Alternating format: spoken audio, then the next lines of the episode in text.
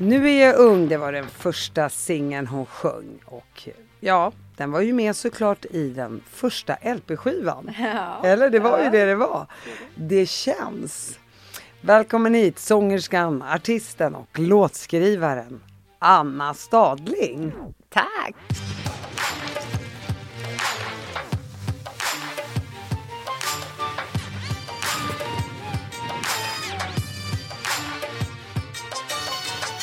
Sa jag rätt? Du sa rätt. Ja, ja. Man vet ju inte. Stadling, Stadling, Stalla, Staddy Buddy. Nej men hörru du, faktiskt så hette jag, jag simtävlade när jag var liten. Simtränade. Och då fick jag, jag stod jag så redo att hoppa i, dyka i.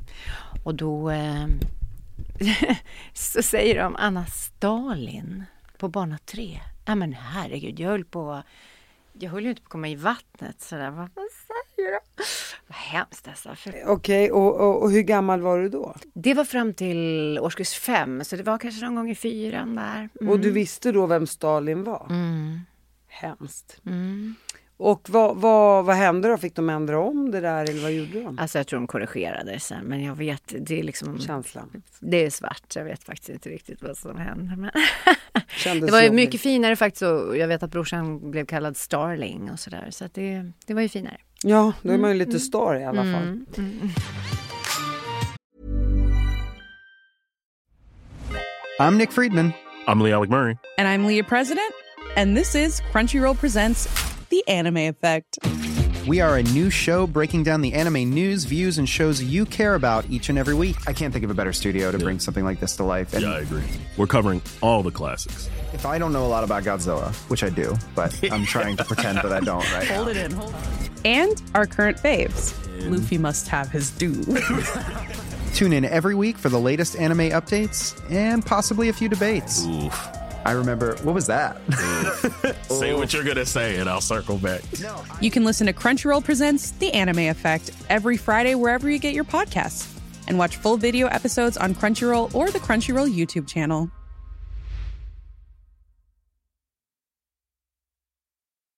Hey Dave, Yeah, Randy. since we founded Bombus, we've always said our socks, underwear, and t shirts are super soft. Any new ideas? Maybe sublimely soft. Or disgustingly cozy? Wait, what? I got it, Bombus. Absurdly comfortable essentials for yourself And for those facing homelessness. because one purchased equals one donated. Wow, did we just write an ad? Yes. Bombas. Big comfort for everyone. Go to bombas.com slash ACAST and use code ACAST for 20% off your first purchase. Eh, Anna, innan vi kommer in på hela din mus- långa musikkarriär skulle jag vilja säga och du har ju sjungit med de absolut största i hela Sverige. Eh, du är lite av en doldis men, eh, men du är den som har jobbat hårdast. och, men som sagt, innan vi kommer in på hela din långa fantastiska karriär så vill jag ju såklart gärna höra lite om din uppväxt och barndom. Mm, i Sundsvall. Föddes i Sundsvall och eh, växte upp söder om Sundsvall i ett sånt här nybyggarområde. Eh, underbart var det faktiskt. Det var nedanför ett berg som hette Klockaberget, kallades för Klockaberget. Och du vet sånt där när alla springer omkring och in och ut i varandras hus och dagmamma på gatan och alla idrottsplaner, alltså fotboll, tennisplan byggde föräldrarna. Så vi hade det väldigt, väldigt bra där. Sen flyttade jag in till stan och då blev jag bland annat parallellklasskompis med Helene Sjöholm. Så vi blev goda vänner från 12-årsåldern och framåt. Och sen, sen så när jag var ung, då ville jag, eh, jag ville gå musiklinje.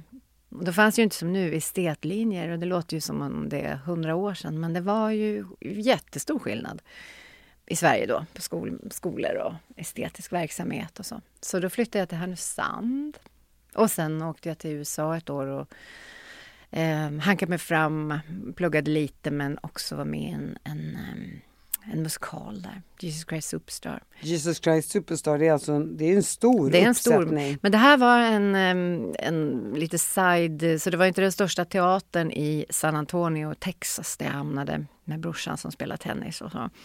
Men jag, jag, jag såg en annons och så gick jag dit och auditionade och sökte till den här och blev medtagen i, i ensemblen först men sen också understudy för Maria Magdalena. Så det var ju coolt. Det är en sån här musikal som jag själv, jag tror att det är min favorit alltså. Jag minns den som, som barn, när, det, när vi hade liksom hela det LP-caset, flera LP-skivor och librettot liksom i en stor lila ask. Och den, eh, den gick varm hemma faktiskt. Otroligt bra rockmusikal. Var dina föräldrar musikaliska? Min pappa fick faktiskt första Jussi Björling-stipendiet. Operasångaren här i Stockholm. Han brukar säga att jag var bara en lantis. Han, var inte, han hade börjat sjunga, men han... Jag vet inte om alla vet vem Kjell Lönnov var, men han, han var en, en, man från Sundsvall som egentligen drog igång körverksamhet. Alltså alla, inte alla kan sjunga, men han gjorde körsång folklig, skulle jag nog säga. Och där växte vi upp i den myllan. Eh, växte också upp i en, en med kyrkokör och kommunala musikskolan. Och, och pappa sjöng ju alltid och drog med oss på diverse konserter. Och han lät oss sjunga på begravningar. Och, så att vi drillades nog in i det här. Mm, Omedvetet? Ja, ja, jag kan inte minnas när jag lärde mig noter. Det vet jag inte. Det är ungefär som att läsa på något sätt. Och Helene Sjöholm, kommer mm. hon också från en musikalisk familj? Nej, alltså hennes, eh, man, nej, hon hade inte med sig det hemifrån men kanske lite mer teater. Hennes pappa var väldigt spexig vet jag. Och, um, så, så att det fanns nog mer av teatern i den familjen och musikteatern. Medan jag växte nog upp mer liksom med ganska mycket klassisk musik och gjorde väl min lilla resa sådär som tonåring att jag ville börja sjunga rock och pop mer. Man gör kanske det. Vill sätta marks själv. Ibland, inte alla, men, men behöva hitta sin egen väg på något vis. Genom... Nej, men jag, ibland ja. tänker jag så här, vad viktigt det är att, att man får med sig mycket hemifrån och ibland har man inte med sig någonting hemifrån och så blir man en star i alla fall ja, inom musik. Bara för att man, bara för att Ja, någon mutation där som gjorde att du blev bra på att sjunga. Ja. Inte vet jag, det lät negativt men det blev bra. Eh, för jag bara satt och reflekterade över min egen barndom. Att mm. Det var ju knappt någon musik alls, det var ingen introdu introduktion. Eh, visst, det, det, var ju bandspelare då på den tiden mm. man växte upp. Det här, det, folk fattar ju inte det, de som ja. är 20 år, men det är ett, ka ett kassettband. som jag kommer ihåg liksom att mamma och mormor brukar lyssnade på. Mm. Då lyssnade de ju på de här äh, stora arabiska mm. Feyrouz bland ja. annat och de som var jättestora där och då. Men det var ju så jag växte upp i Sverige, jag mm. gillar ju Carola. Nej, men, ja. Sen gillar jag ju såklart arabisk musik för att jag är uppvuxen med det. Men det var inte den där att man introducerar musiken Nej. och det viktiga med musiken och historien och allt det där. Så Nej. det fanns liksom inte. Nej. Och ändå har jag alltid gillat musik. Man har stått framför en spegel med topprep och sjungit. Exakt. Men det, såklart. Men vad är det som gör, alltså jag tror vi, vi, jag vet inte vad det är som gör att man väck, ett, något intresse väcks liksom. Jag vet att hemma hos oss var det liksom musik och sport. Otroligt mycket sport. Pappa älskade det och mina brorsor var väldigt duktiga. Min storebror tennisspelare och så det, det är liksom de två grenarna i livet på något sätt. Och det är ju de två grenarna jag alltid pratar om när, vi, mm. när, när jag pratar om förebyggande av mm. våld och så många av mina gäster, ja. just sport och musik. Ja. Det är så viktigt att mm. eh, kunna ha förebilder inom idrottsvärlden och förebilder inom musikvärlden. Och, mm. eh, att ni får det så gratis hemifrån är fantastiskt. Mm. Och då tillbaka till mig själv som då gillar sport och idrott. Jag började ju spela då handboll och mm. sedermera friidrottade och sådär. Det var ju någonting jag själv fick upptäcka. Det var ingenting som bara, men du kanske ska börja spela handboll men eller såg du det då? Du blev liksom... Ja, ja för att grejen, för, för, min, för min del så kunde jag aldrig sitta still. Nej. Och jag tror att jag, det är ungefär som att jag skulle säga så här, men jag bara gick runt och sjöng fem timmar om dagen. Aha. Och jag bara höll i den där tennisbollen mm. varenda rast och kastade mot en vägg och hoppade och det var hopprep och det var jag var tvungen att röra på mig hela tiden. Mm. Så blev en, och sen började en granne spela handboll och då mm. gick jag med henne och, och, mm. och, där fann jag handbollen. Men det var aldrig så att jag fick det hemifrån. Nej. Men jag hade en naturlig fallenhet för det. Men det där tänker jag, för när vi, där, där vi växte upp, där var det ju absolut inte som det är nu, att man liksom skjutsar sina barn till en verksamhet som både kostar eller som, som eh, måste arrangeras och struktureras upp hela tiden. För vi, vi levde ju precis, alltså längst ut på det, i det här området, bakom oss, där fanns fotbollsplan. Man smackade upp två mål. På vintrarna så spolade man och gjorde en liten isbana. Eh, och de här föräldrarna måste ju ha sett all den här både talangen, Henrik Zetterberg, han är därifrån. Peter Lundgren, en tennisspelare, brorsan, en tennisspelare. Så när de bygger ett, en hel tennisplan av samla in och gör det här liksom, och ett plank.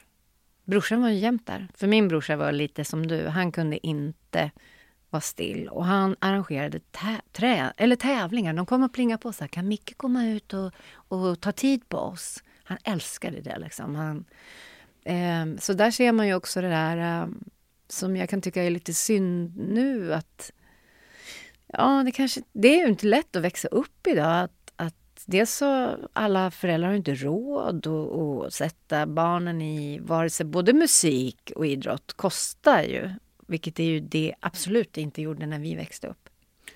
Och det, är ju, det utesluter ju väldigt många talanger och väldigt många begåvningar som vem vet var det finns en tennisstjärna någonstans? Ja, såklart. Det, det, det, Eller det behöver inte ens vara en stjärna dig. utan ett intresse. Ja, ja. Men just ishockey, tennis, det är dyra Mm. sporter, ridning. Mm. Eh, och, och, och till och med fotboll då som egentligen inte är en dyr sport blir för dyr med tennis, eh, förlåt, tennis och fotbollsskor, det var dit jag ville Mm. komma såklart. Eh, föräldrarna ska hämta, lämna, skjutsa, Mm. de har inte tid, de jobbar dubbla skift Mm. och så vidare. Att man liksom inte från kommunernas sida bara, att det finns bussar, att det finns gratis eh, fotbollsskor. Det är så enkelt att hålla barn borta från kriminalitet och utanförskap. Och det är ungefär som att det är hål i huvudet på alla politiker. Jag vet inte vad man tänker. Nej, och skolorna. Och skolorna. Ja. Att man inte bara öser in. När det ser ut som det gör, när världen ser ut som den gör, så måste vi ju börja från grunden. Att hitta respekt, hitta, liksom, att lyssna på varandra, att bli sedd, att få en chans oavsett till vad. Jag fattar inte det heller. Det är liksom, det är, alltså, ska vi förändra den här världen så måste vi göra det för att låsa in alla nu. Vi bygger liksom ungdomsfängelser. Herregud, vad, Ja, och det- liksom, och var ska vi sluta liksom? Ja, vi... och alla bara pratar om att låsa in och bygga fängelser och vad folk inte förstår att på insidan möter man ju likasinnade så det Mm. går ju ännu mer åt helvete sen när de Ja. Mm. kommer ut utan det där måste ju förebyggas långt tidigare. Och det kan, kommer kanske ta en generation. Det är väl bättre att det tar 10, 15, 20 år än att, vi, än att det går ut för tänker jag. Gör du och Helene några uppsättningar när ni växer upp? Mm. Vi eh, hittade varandra där i skolan för alltså vi, det var en ganska hård miljö vill jag säga när jag flyttade in till stan. Jag måste faktiskt säga att jag blev nog lite chockad över att liksom, man kunde vara så här elak. Alltså att det fanns något elakt. Jag levde i någon himla mjuk miljö tror jag. Och um, det var väl kanske vad jag ville se, det vet jag inte. Men, men när jag kom in till stan så upplevde jag det som att jag plötsligt fick, liksom, plötsligt så kände jag att oh, herregud, jag är verkligen, nej men jag är ju rödhårig. Jag hade ju inte tänkt på det innan, du vet. Ja men på tal om så här minoritetskänslan att, nej jag är inte som alla andra. Och inte, så, så att där någonstans så så var vi ganska många med samma känsla, för det blev en sån hård högstadiemiljö. Eh, många som mådde superdåligt och många som var astaskiga och hade det jätteturbulent hemma och liksom utsatte varandra för eh, elakheter. Och, eh, men där någonstans så var vi ett gäng som gick till aulan, vi gjorde shower där uppe, vi, vi sjöng och spelade och, och ehm, också att Helena och jag, vi, vi var med i samma flickkör som vi hade en otroligt häftig körledare som hette Elisabeth. Snygg som tusan, höga klackar och lite så här. Vet du. Vi bara, va? Vad är det här för kvinna? Och hon var ganska hård mot oss tjejer, för det var flickor då.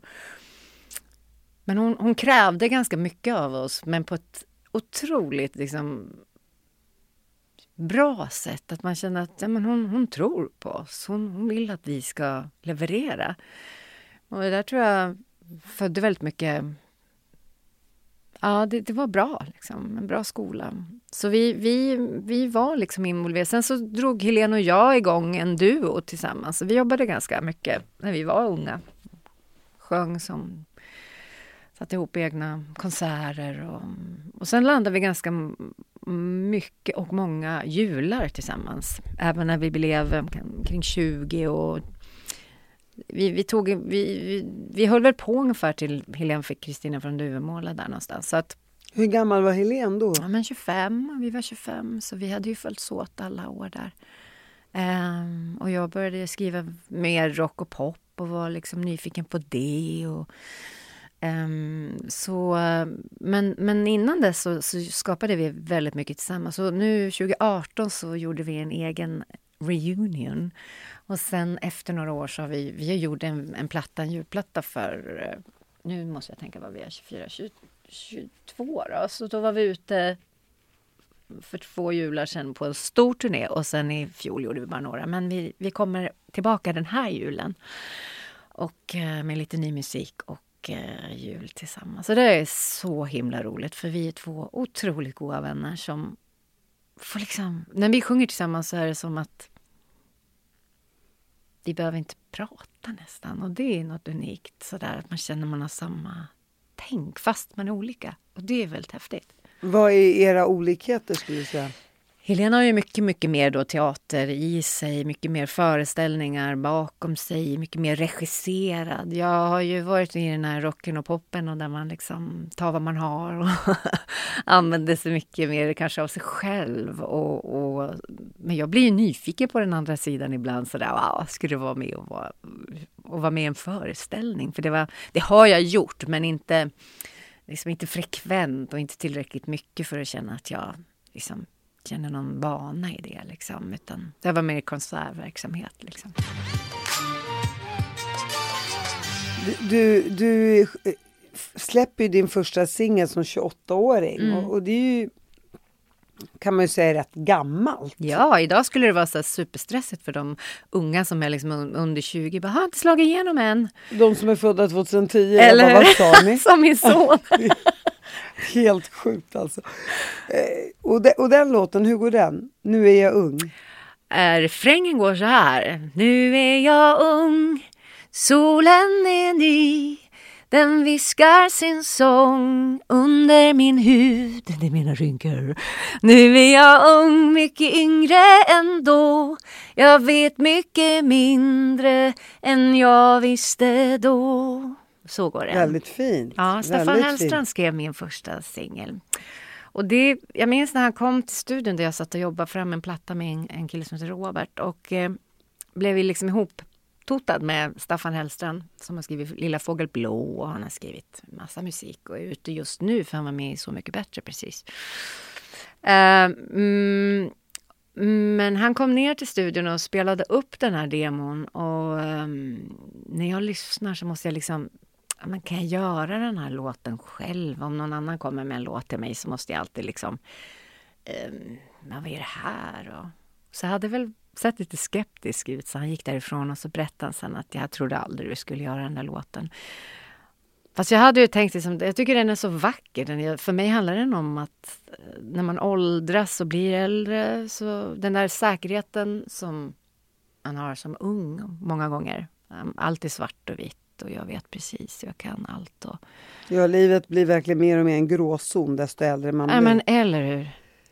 Och, och den låten hamnade ju i din första platta. Mm. Och det här är alltså plattor, vi pratar alltså slutet 90-tal. eh, som heter Det känns. Mm. Förutom den låten, var det någon annan låt som blev jättehit? Uh, nej, men det var en hel... Du får ljuga i min ja, podd. Ja, jag får ljuga i din podd. Ja, precis. Jo, det blev jättemånga låtar. Uh, nej, men, men jag jag tror möjligtvis att den var lite för tidig och för hård. Alltså för den är ganska dragig. Så jag skulle nog inte gjort en sån platta idag. Men jag hade mycket som behövde komma ut tror jag. Jag tror att den är precis det som jag kände mycket då. Jag gick omkring med både existentiella frågor och liv, livsfrågor. Vad ska jag... Om, sådär va. Så att det, någonstans så kanske det var färgades av hela hela den ja, färgades på skivan. Men det fanns en låt som hette Håll om mig som jag eh, minns att jag plötsligt hörde på radion. Och så var det någon som hade önskat den om den hade förlorat sin katt eller någonting. Och jag, jag minns att jag, men hur får man ihop det liksom? När det inte alls var en sån syfte. Men himla på, fint! Nu tänker jag på den här Håll om mig. Släpp inte ett tag namnet. hur, hur gick din Håll om mig? Den som var lite mm. tidigare. Håll om mig, håll mig hårt innan allt ger sig av. Uh, innan natten, natten blir dag. Du ser, jag kommer inte ihåg den. Håll om mig, håll mig hårt, säg att allt är över nu. Håll om mig.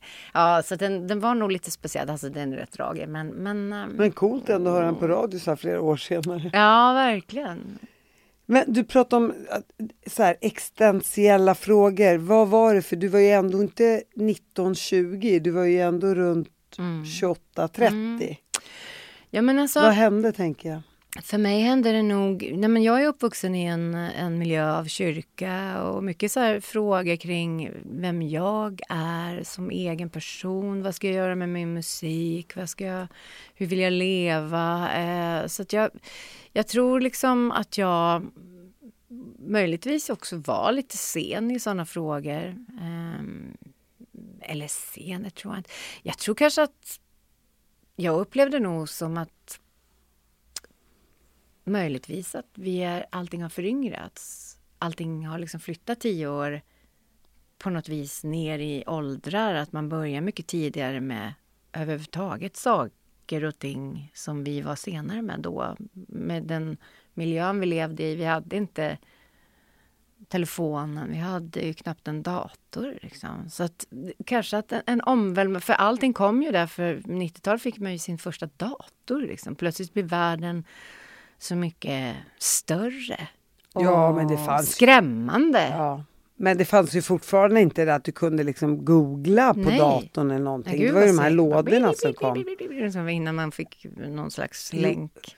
Eller förresten, i början på 90-talet vet jag att vi hade datorer i skolan. Men då var det mm. lådor. Då skulle vi lära oss att skriva på en ah. dator. Men det som sagt fanns ju inte Safari eller någonting. Jag Nej. vet inte riktigt när det där kom. Nej. Man glömmer. Ja, man glömmer verkligen. Tack och lov. Nej, jag kommer ihåg man, man hade såna här små memo-inspelnings eh, med små kassetter. Och spelade in små idéer på. Nu går man ju på sin röst eh, på telefonen. Och... Ja, ja visst. Nej, men det går så inte det, det går ju inte att jämföra, så jag vet faktiskt inte eh, varför det hamnade där. Men, men, men det är väl så där, alla kan vi på något vis um, drabbas av sådana perioder, tänker jag, oavsett ålder. Och um, det föll sig väl så då i någon slags... Ja, var, var ska jag ta vägen, liksom? Tror jag.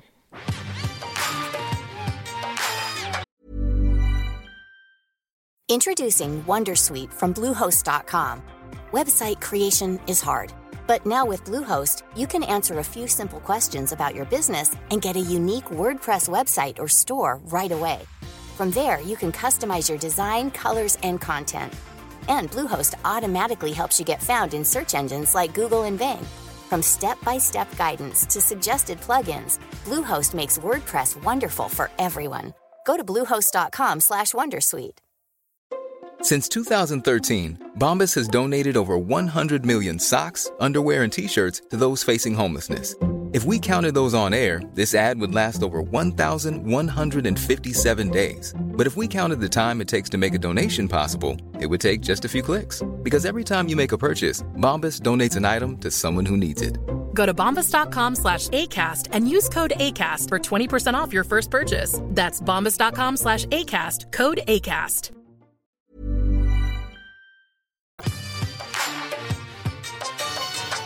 Du har ju inte bara jobbat med Helene Sjöholm, du har jobbat med många stora svenska artister. Mm. Berätta. Jag har ju länge, länge jobbat med Lars Winnerbäck och det var där i Skarven. Eh, jag blev presenterad för honom, eller inbjuden till en, en platta som han gjorde som heter Singel, där vi var bara kvinnliga röster inbjudna. Så att jag sjöng på två spår på den. Och sen blev jag inbjuden att följa med honom på turné och blev sist in i det som kallades, bandet som kallades Hovet. Och vi, vi jobbade med Lasse eh, intensivt under fem års tid, tror jag det var. Ehm, där vi spelade fruktansvärt mycket ute. Vi var på turné hela tiden och då hade jag ju precis släppt min skiva så att jag hade ju inte riktigt tid där att fokusera på mitt egna och vi hade så fruktansvärt roligt. Så att, ja, sen var jag kvar några år till med Lasse efter det men också skapat min egen musik parallellt med det. Men sen har jag jobbat med Anders Glenmark, jobbat med eh, Uno Svenningsson eh, och ja, herregud, Marie Bergman. Alla, det, det är väldigt många som har blivit så här, små gästinhopp eller körade ju från början en del men sen så insåg jag att det var inte riktigt min grej. Jag tror att jag behövde lite mer utrymme själv. I want to be the star. eh, och med det, det är klart, med din röst så är det klart de vill ha dig. Så är det ju. Mm. Eh, nej men så är det. Jag är bara ärlig, jag bara säger som det. Eh, på gott och ont ibland. Men eh, tillbaka till dig då. Du fick ju barn ändå rätt sent ja, i livet. Berätta. Och... Ja, men det var ju en lång resa. Jag träffade nämligen min barndomskärlek egentligen. Vi var aldrig tillsammans, men när jag var 14 så träffade jag Pekka som han kallas för. Han eh, var 17 och jag var 14 och vi spelade faktiskt tillsammans. Och, eh, men men eh, jag var ju liksom förälskad i honom. Och vi hade väl någon sån här märklig connection. Men sen så livet och sen efter 18 år faktiskt så började vi dejta. Efter en, en, jag sjöng på hans första bröllop, höll på hans bröllop och sen så blev det lite krasch där och... På grund av dig? Eller? Nej, det var det inte. Utan, PGA? Ja, precis. Nej, inte, inte på grund av mig, men, men eh, sen eh, började vi dejta helt... Ja, vad hände? Ja, vad liksom? hände? Vi bara blev kära. Ni? Nej, men vi hade alltid haft kontakt, men plötsligt så var det så där ska vi ta en lunch? Och sen så började vi bara sen. I Stockholm då? Mm. Och sen bara brakade det loss. Och han är musiker också? Han är, då var, jobbade han som jurist men all, haft liksom musiken som en, egentligen en dröm men, men gav inte den drömmen sin fulla chans. Men han har alltid spelat och proddat och och sen eh, snickrar han också faktiskt. Så att han är en liten... Finsnickare. Ja. Det är alla från Dalarna uppåt. Ja. jag bara tänker, du, du säger att du var kär honom när du var 14. Det kanske är mm. bra att det inte blev något, för det kanske inte hade blivit Nej, det, mer, tänker det jag. precis, vi brukar säga det. Men vad, är, vad var det som inte vågade få dig att säga det? Ja, men alltså... Ja, vad var det? Nej, men jag, jag tror inte att jag vi var så mycket kompisar. Alltså, det finns ju en film, Harry, Harry mötte Sally. Känner du till den? Ja, ja, ja. ja, ja du är ja, Sally, förstår jag. Ja, men typ den känslan att man liksom... Man förstår inte heller riktigt kanske hundraprocentigt att ja, det där, det, det kanske är något där. Liksom. Sen, så, sen så var det tre, han brukar säga att det var tre år emellan. Och, men jag brukar skoja att han ville bara blondiner på den tiden. Så att det var, det var steg. Nej, men det var tre år emellan och så. Men, men sen när det väl blev av så, så sen dess har vi, och det här var ju 2002, så vi har ju hängt ihop jättelänge och varit med om tusen svåra år på de här åren. Och fina. Men vi har haft ganska mycket. Men bland annat då så var det inte så lätt för oss att få barn. Och vi hamnade ju i sån här IVF procedur med allt vad det är. Och, Hormoner. Ja, herregud.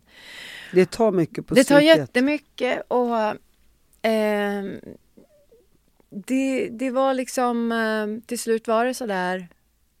Men jag, det här Alltså, det där kan man ju prata så mycket om som vi kanske inte gör. Vad är det att vara kvinna till exempel? Måste jag, för att en del känner ju att jag är inte kvinna om jag inte föder mitt barn på naturlig väg eller vad det kan vara. Det finns ju så mycket föreställningar. Vill jag ens ha barn? Och jag var ganska skraj för det för jag kände liksom att ja, ett barn tar så, framförallt engagemanget och kärleken sådär.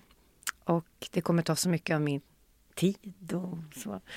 Så det ska jag nog säga att det var en, mycket funderingar kring det. Men det kom liksom aldrig ett barn på det. Vi fick missfall och även på scen faktiskt, eller på, på turné och det var ju jättejobbigt. Men så att det var inte heller ett lätt liv i att liksom få till det här rent praktiskt heller. Så till slut så kände jag, nej vet du, jag, jag vill adoptera och jag är uppvuxen med kusiner som är adopterade och har nog egentligen alltid sett kanske både och.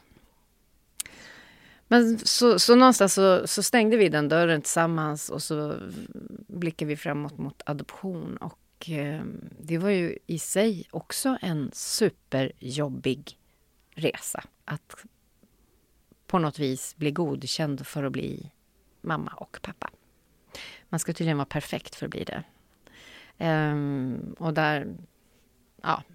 Men till slut så kom... De bara, nej du har rött hår, det går inte. Det går inte. För när man ska vara si och man ska vara så, man ska ha si och så mycket pengar och sånt utrymme. Du vet, det finns ju liksom, det, det är otroliga krav. Vad sägs om kärlek? nej. Nej, men sen så till slut så åkte vi till Sydkorea och hämtade hem vår John Henry. Och ja, herregud, ja vilken resa liksom.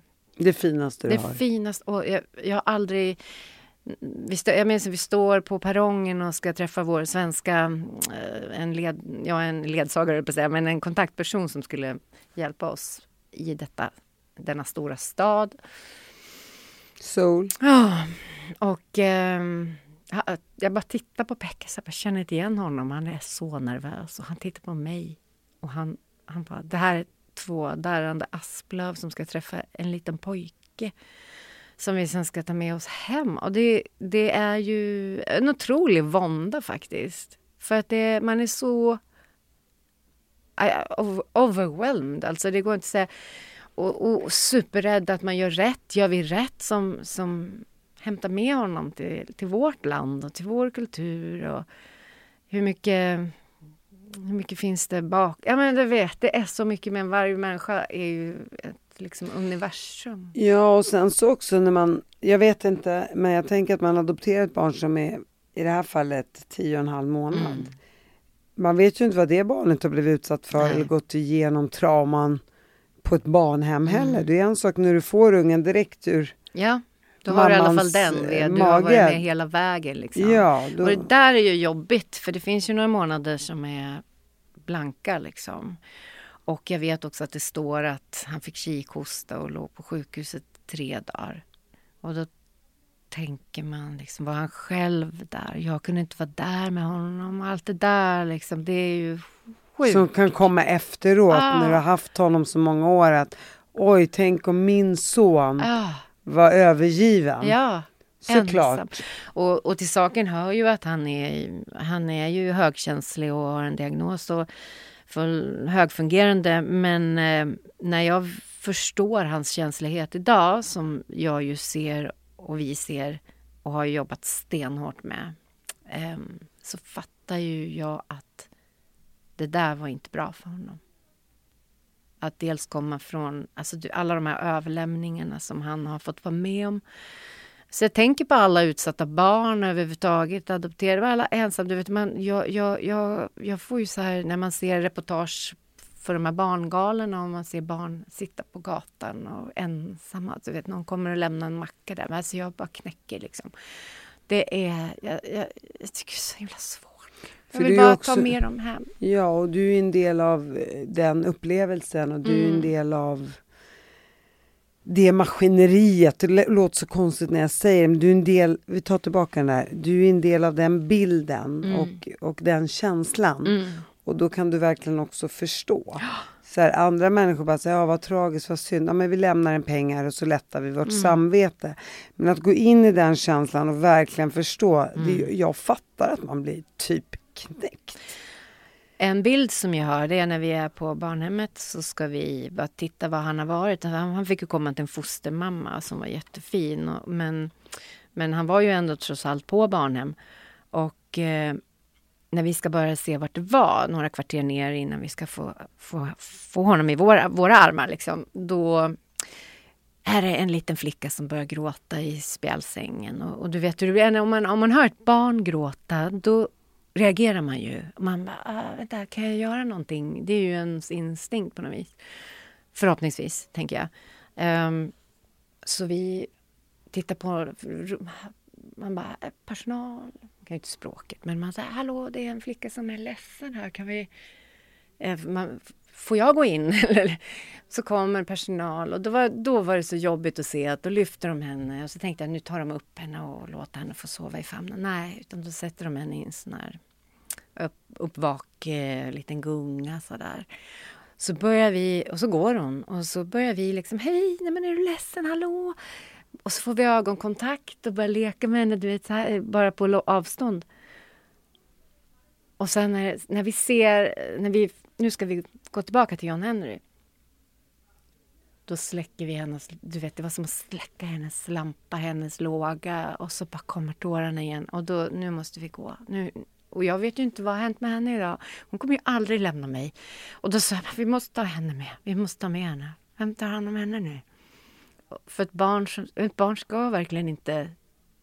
Ett, när man vaknar, ett barn ska inte gråta själv. Ett barn ska få en kram. Barn ska bli omhändertaget av oss vuxna. Så det är väldigt smärtsamt när man tänker på det och att han faktiskt också har varit i den situationen. Så det kommer ju, det finns ju med oss liksom och det får ju vi hantera och, och försöka liksom bygga upp honom och hjälpa honom. Och idag så är det ju väldigt, väldigt fint men han, han har ju haft en resa liksom och vi.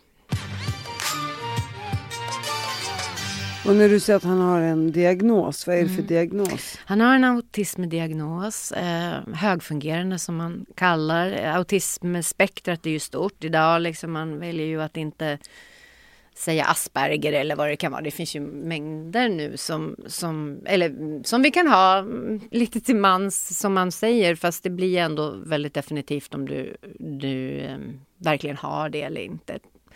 Men det har ju lärt oss, alltså det, det fick han när han var fem år. Och det har ju lärt oss så fruktansvärt mycket och eh, lär oss varje dag. Och vi har ju fått jättefin hjälp. Alla har inte jag förstår ju nu så här lite efteråt att det här är ju, vi har ju egentligen haft tur, vilket ju inte det borde vara. Alltså vi ska inte ha tur, vi ska ha, alla har ju rätt till att få skola, hjälp. Eh, men jag, jag vet ju att det inte är så, så att vi är otroligt tacksamma och försöker ju liksom ja, göra det man kan för att och lyfta det här och, och kanske skapa förutsättningar för de som inte får den hjälpen och så. Så, så det är liksom ett litet brinnande intresse som, eller vad ska man säga, engagemang jag känner mig Då bor ni ändå i Sverige vill jag tillägga. Vi bor där, i Sverige. Där, där, där är mer hjälp än i många andra länder. Ah. Nej men jag tror alla har ju sina grader Ja, eller vad man ska säga. Du sa ju att han var högfunktionell. Ja, nej du kan inte se på Nej, honom och sådär. Men man uppfattar nog honom lite blyg. Men, så han är ju en kille man måste puffa fram för han är så himla begåvad också. Så smart och Ja, de är ju, snygg. många är ju så begåvade också. Det måste man ju veta. Det Otroligt. Det så finns här. ju otroliga tillgångar i en, en person som kanske har ADHD som man tycker är störig, höll jag på att säga rent så här, ja men intensiv eller vad vi nu säger liksom. Men, men den kan ju ha otroliga tillgångar. Men det är väl som vi alla måste lära känna oss själva, men, men vissa behöver ju otroligt mycket mer hjälp liksom för att komma underfund med hur jag kan må, må bra, vara bra i ett sammanhang. Men, men lite behöver vi nog träna det mer och mer, kanske alla eh, mer tydligt liksom. Faktiskt. Är han musikalisk? Ja, han, men han lyssnar. Han har ju ett, ett eh, eget sätt tycker jag. Han har ju musik och instrument, det finns, allting finns ju. Vi har en studio ner, en trappa ner så att det är bara att köra. Så han går ner och, och, och han har ett otroligt minne. Så han kommer ju ihåg, eh, och han älskar ju att spela såklart, men han kan ju berätta om musik på ett sätt som är, tycker jag, eget och som inte alls är som jag kan. Så han har nog, han är mycket, ja men han är ju, han är ju bright liksom. Mm, men han, han har inte tålamodet att sätta sig ner och bli, vad ska man säga? Mozart? Mm, nej, nej, för då måste du öva nämligen. Och det, du måste ha tålamod. Så tålamod kan ju vara en bristvara för, för många i det spektrat liksom. Det låter som min ADHD-hjärna. Så det, man, man, man, man, behöver inte vara autistisk för det. Nej, verkligen inte. Och, och vad gör du? Du, du? du sa också att det var många, många svåra år. Jag förstår att det här med graviditet och allt. Mm. Vad det inne, innebär, att det var jättejobbigt. Var det någonting annat du kände var svårt och jobbigt? Under den tiden? Mm. Höll du på att skilja dig några gånger? Eller? Nej, det har vi faktiskt inte gjort. Fast vi har haft väldigt mycket, både jag och Pekka mm, har haft en varsin cancerresa också parallellt med att eh, ja, eh, och det här var 2015 så det var ju när Jonte var fem år. Eh, så fick vi, Pekka fick prostatacancer och jag fick bröstcancer. Så det här samtidigt, samtidigt samma höst i ett projekt och Jontes utredning. Nej, men så vi, vi, hade, vi, hade, vi har haft mycket sjukhus, tycker vi själva, så när vi tittar tillbaka. Och nu har ju det gått bra för oss, men vi är båda opererade och man, man lever bredvid någon som är rädd för att ska hon dö? Ska han dö? Eh, hur gör vi med Jonte? Alltså det, det var ju fruktansvärt och det, var, det, det är ju någonting som färgar oss fortfarande. Så är det ju liksom. Pekkas bror dog i, i samma cancer. Och man ser hur skört det är. Vi sa i morse bara sådär, ah, vad konstigt att han inte finns längre. Och så vet man hur nära det kan vara. Det där är ju jättesvårt, eller vilken, vilken väg, alla, allas våra öden som vi inte kan förstå ju. Varför det blir si och varför det blir så. Men jag tycker att vi har, eh, vi har liksom tagit oss igenom det där och eh, tillsammans. Tänker jag. Nej, så vi har faktiskt, vi har, vi har faktiskt inte gått isär. Utan Fick, gått ihop kanske. Ja, och blivit starkare. Och mm. Nu har det ju gått då 2015, mm. snart mm. nio år. Mm. Det är helt otroligt. Och det, och det är ju peppa peppa på den. Mm. Eh, men alltså jag förstår det. Och också så man har en femårig son och mitt i det där. Och, mm. Fick ni mycket stöttning?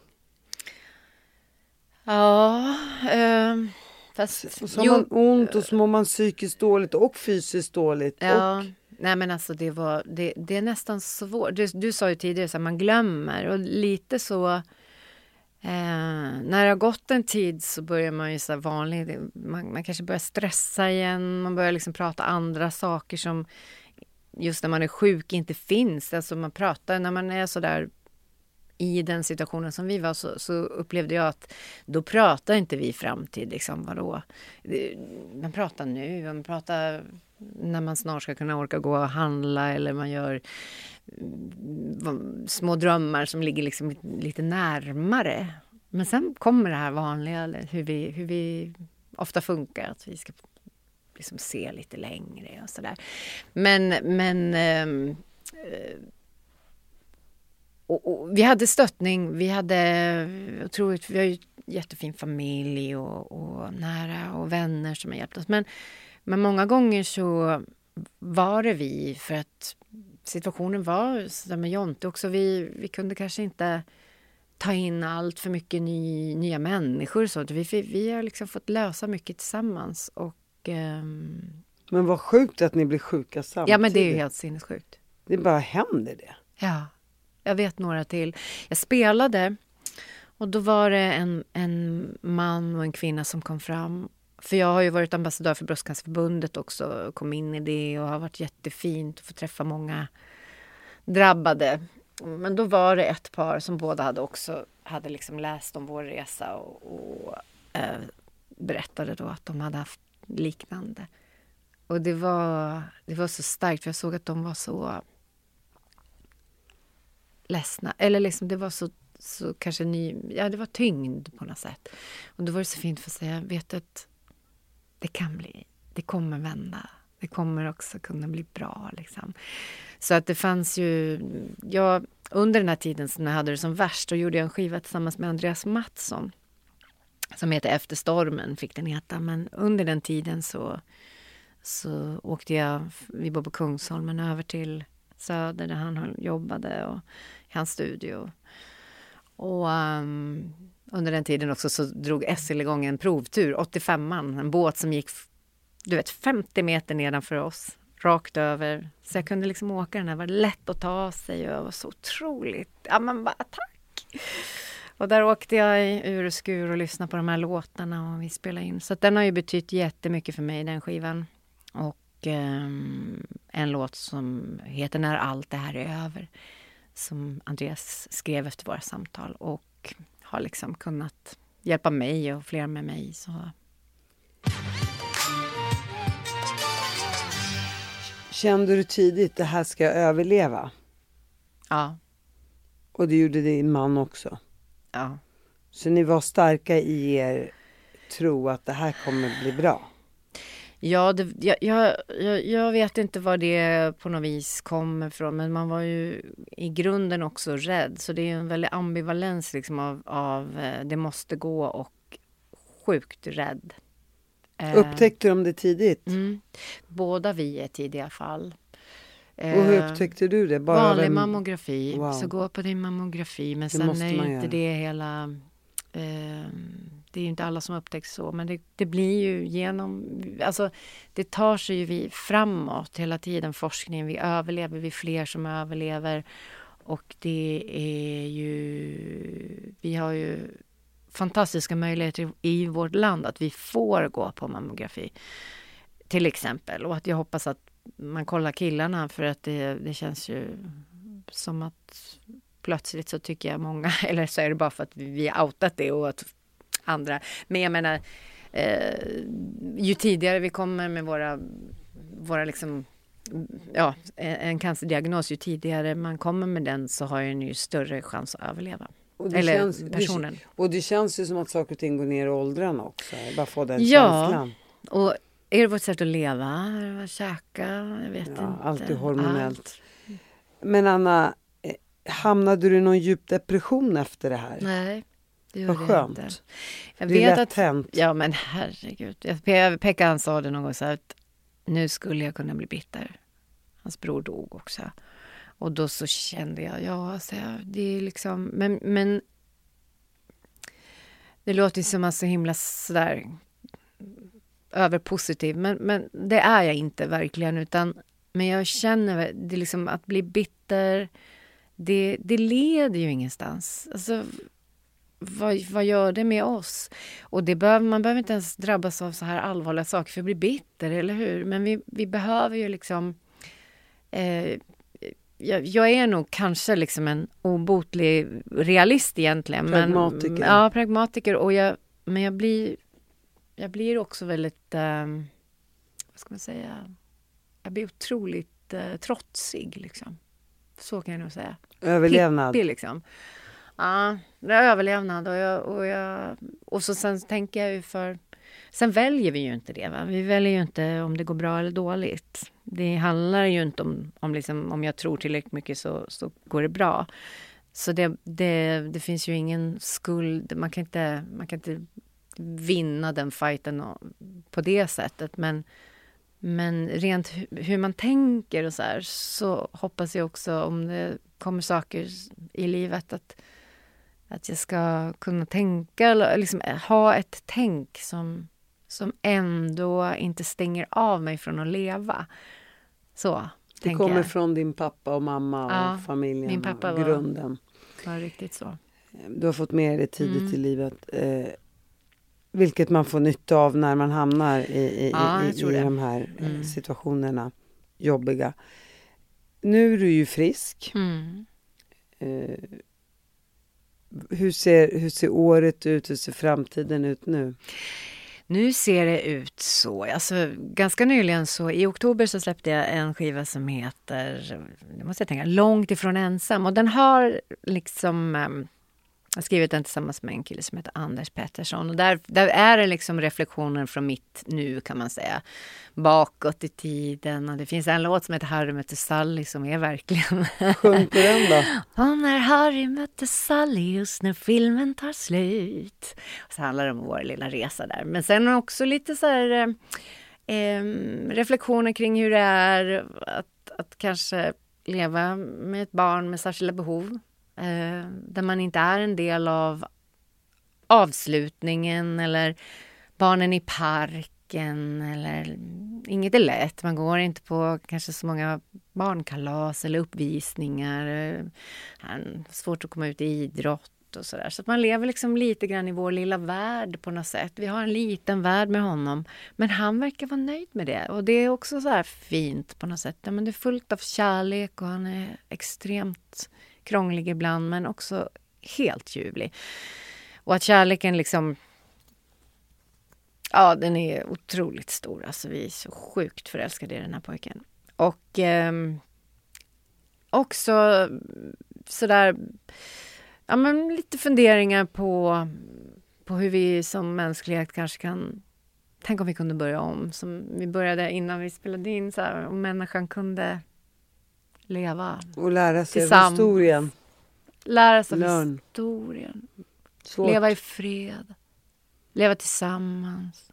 Olikheterna liksom kunde få vara någonting positivt. Och att vi kunde, ja, det, det är ju en utopi känns det som just nu men Ja, så nu hann jag där då igen men, men, men liksom eh, jag tänker mycket på det där. Eh, bekymrar mig rätt mycket för hur det är just nu. Och jag tror vi är många som gör det och hur det ska bli och vad våra barn ska få, få leva med när vi inte finns.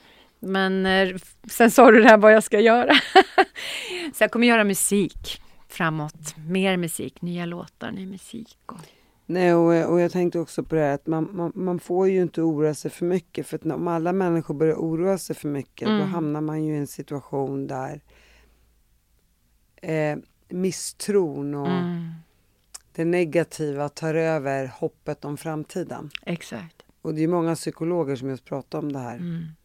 Och där vill vi inte hamna. Nej, men då kommer, för mig så kommer ju det här trotset. Liksom att, och det tycker jag... Överlevnads... Ja, för, Exakt. för först kommer ju den här känslan, ja, den här oron eller bara funderingar. Hur, hur fungerar vi människor liksom? Hur, varför är det så svårt för oss att liksom existera bredvid varandra, tillsammans med varandra. Och som du säger, varför lär vi oss inte? Varför lär vi oss inte? Utan vi går bakåt. Och det är så enkelt egentligen. Det är så enkelt. Och så... Ett plus ett är två. Det, också, ja. så här, det är så också typiskt se olikheterna istället för att egentligen se likheterna. Exakt. Jag menar, det spelar väl ingen roll vad man har för bakgrund, uppväxt, Nej. whatever, religion, kultur, tradition. Vi människor är så mycket mer lika mm. än, än vad vi tror. Ja. Och jag menar, det är bara att titta på fotbollen. Det spelar mm. väl ingen roll vilket land man kommer från, vilken religion man tillhör, vilken kultur.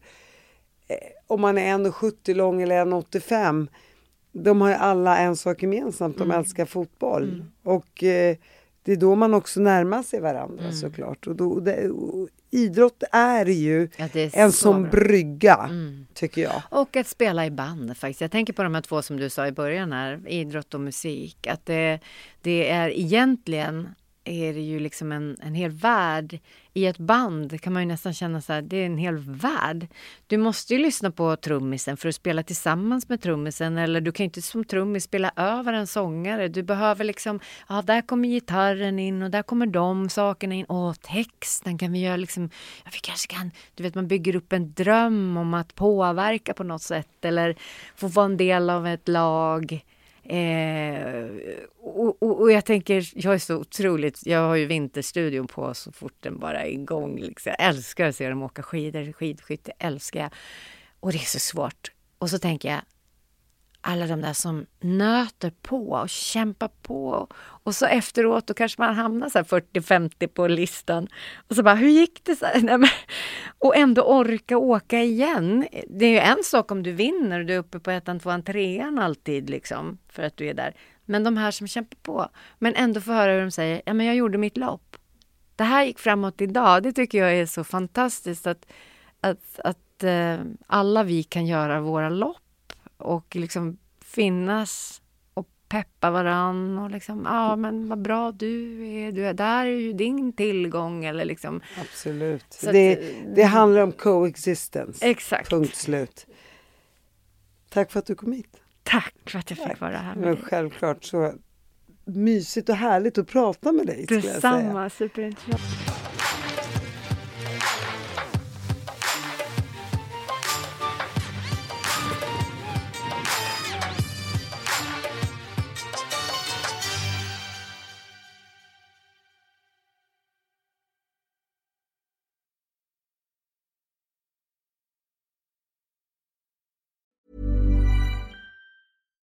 Do you love anime, gaming, movies, and discovering how your favorite pop culture affects everything you do? Then join us on Crunchyroll Presents The Anime Effect. I'm Nick Friedman. I'm Lee Alec Murray. And I'm Leah President. Every week, you can listen in while we break down the latest pop culture news and dish on what new releases we can't get enough of. Whether you love movies, I'm going to tell you all about the uh, hopeful 4K re release of Tron Legacy that happens. I'm right there with you. Or music. The music in this show Yeah. is absolutely incredible. Or anime. And under this mask is another mask. you can discover your new favorites right here on The Anime Effect. Listen every Friday wherever you get your podcast and watch full video episodes on Crunchyroll or on the Crunchyroll YouTube channel.